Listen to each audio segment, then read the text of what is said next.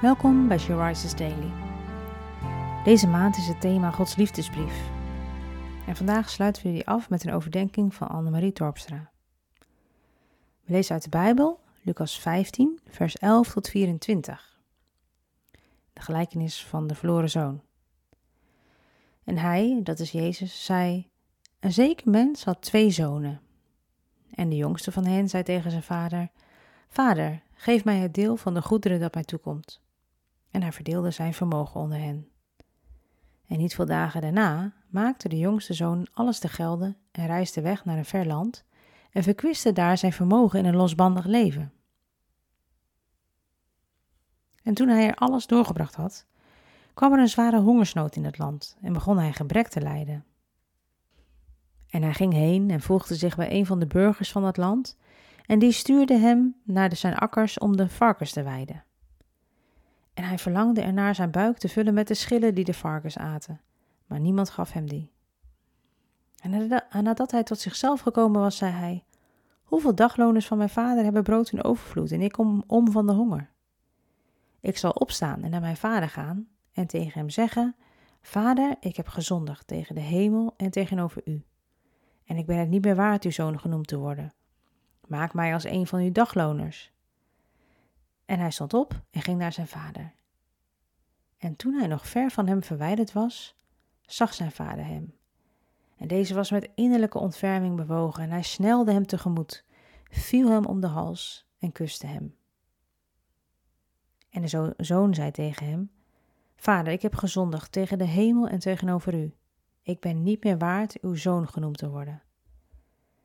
Maar de vader zei tegen zijn dienaren: Haal het beste gewaad tevoorschijn en trek het hem aan, en geef hem een ring aan zijn hand en sandalen aan zijn voeten. En breng het gemeste kalf en slacht het, en laten we eten en vrolijk zijn. Want deze, mijn zoon, was dood en is weer levend geworden. En hij was verloren en is gevonden. En ze begonnen vrolijk te zijn.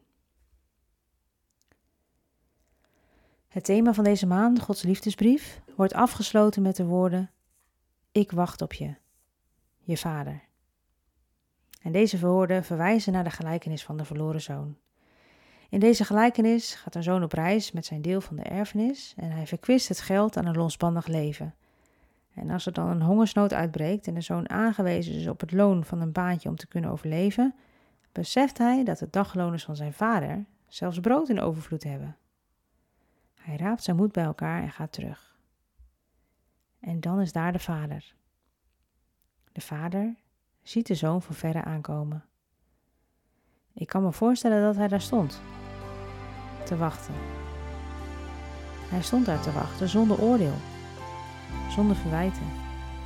Hij stond er alleen maar te wachten, hoopvol en met innerlijke ontferming bewogen. Want ja, daar daar kwam zijn zoon aan, zijn zoon. En hij, de vader, snelde zijn zoon tegemoet. Hij viel zijn zoon om de hals en kuste hem. Zo is de vader er voor ons. Voor mij en voor jou.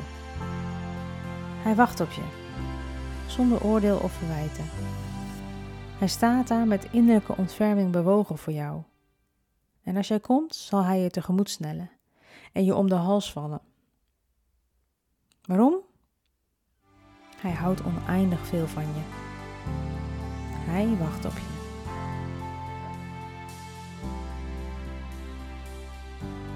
Je luisterde naar een podcast van She Rises.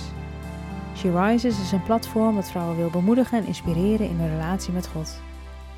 We zijn ervan overtuigd dat het Gods verlangen is dat alle vrouwen over de hele wereld Hem leren kennen.